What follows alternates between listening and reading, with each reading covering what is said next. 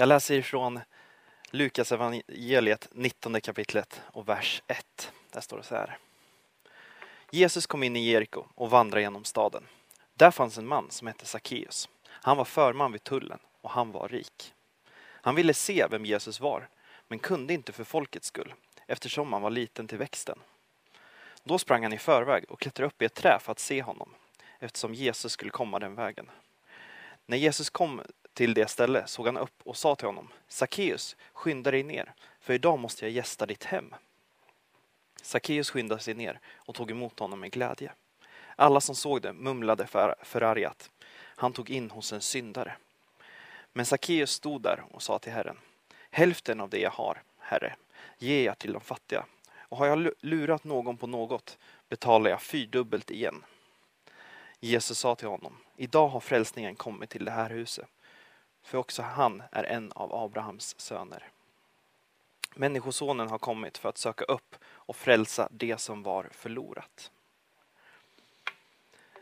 Jag älskar verkligen den här berättelsen i Bibeln om, om Sackeus just. Det finns så mycket som vi kan lära oss eh, utav den, som vi kan ta med in i våra liv.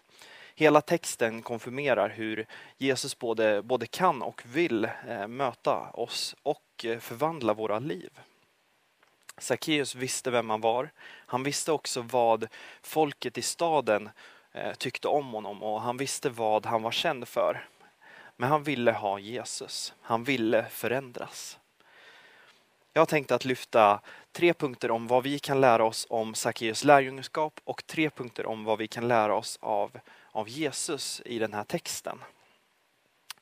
Min första punkt om Sackeus.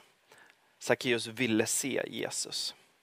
Han ville se Jesus oberoende av vad som krävdes.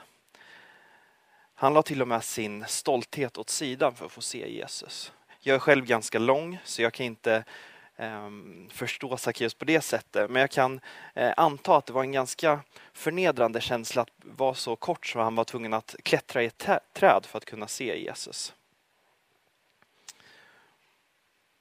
Men det spelade ingen roll för honom. Och jag tror det är så viktigt att, att vi tar med oss i våra liv, att vi lever med en längtan att få se Jesus. För jag tror att vi även idag kan ha ett möte med honom. Att det inte bara hände för 2000 år sedan utan att det eh, även händer idag och det är lika aktuellt även idag. Min andra punkt är att möt Jesus med en förväntan. Sackeus hade hört om Jesus, hört han gjorde olika mirakel, hört om vad han hade gjort i, i andra människors liv och också vad han hade gjort i andra städer.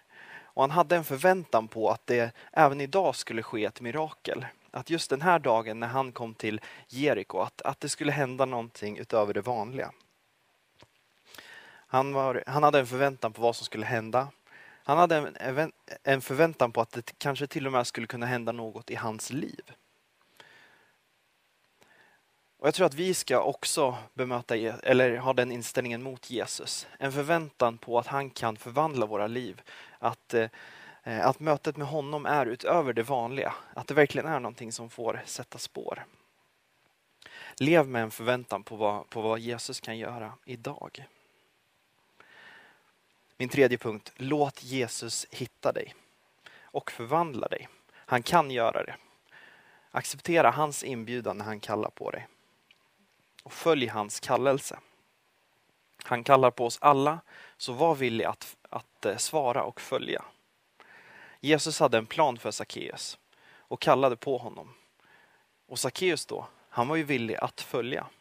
Det står om hur han ger tillbaka till de fattiga och hur han eh, betalar tillbaka till de som han var, eh, hade tagit pengar ifrån innan. Var villig att följa när, när Jesus kallar. Sackeus var förlorad tills han hittade den Jesus som, som han hade letat efter. Han förändrades, på, eh, han förändrades på grund av vem Jesus är, inte på grund av vem han var. Så vem är Jesus? Hur är Jesus? Vad lär vi oss om Jesus från den här berättelsen? Jag har tre punkter om, eh, om vad vi just lär oss om Jesus från den här texten. Den första är Första punkten, Jesus känner dig vid ditt namn.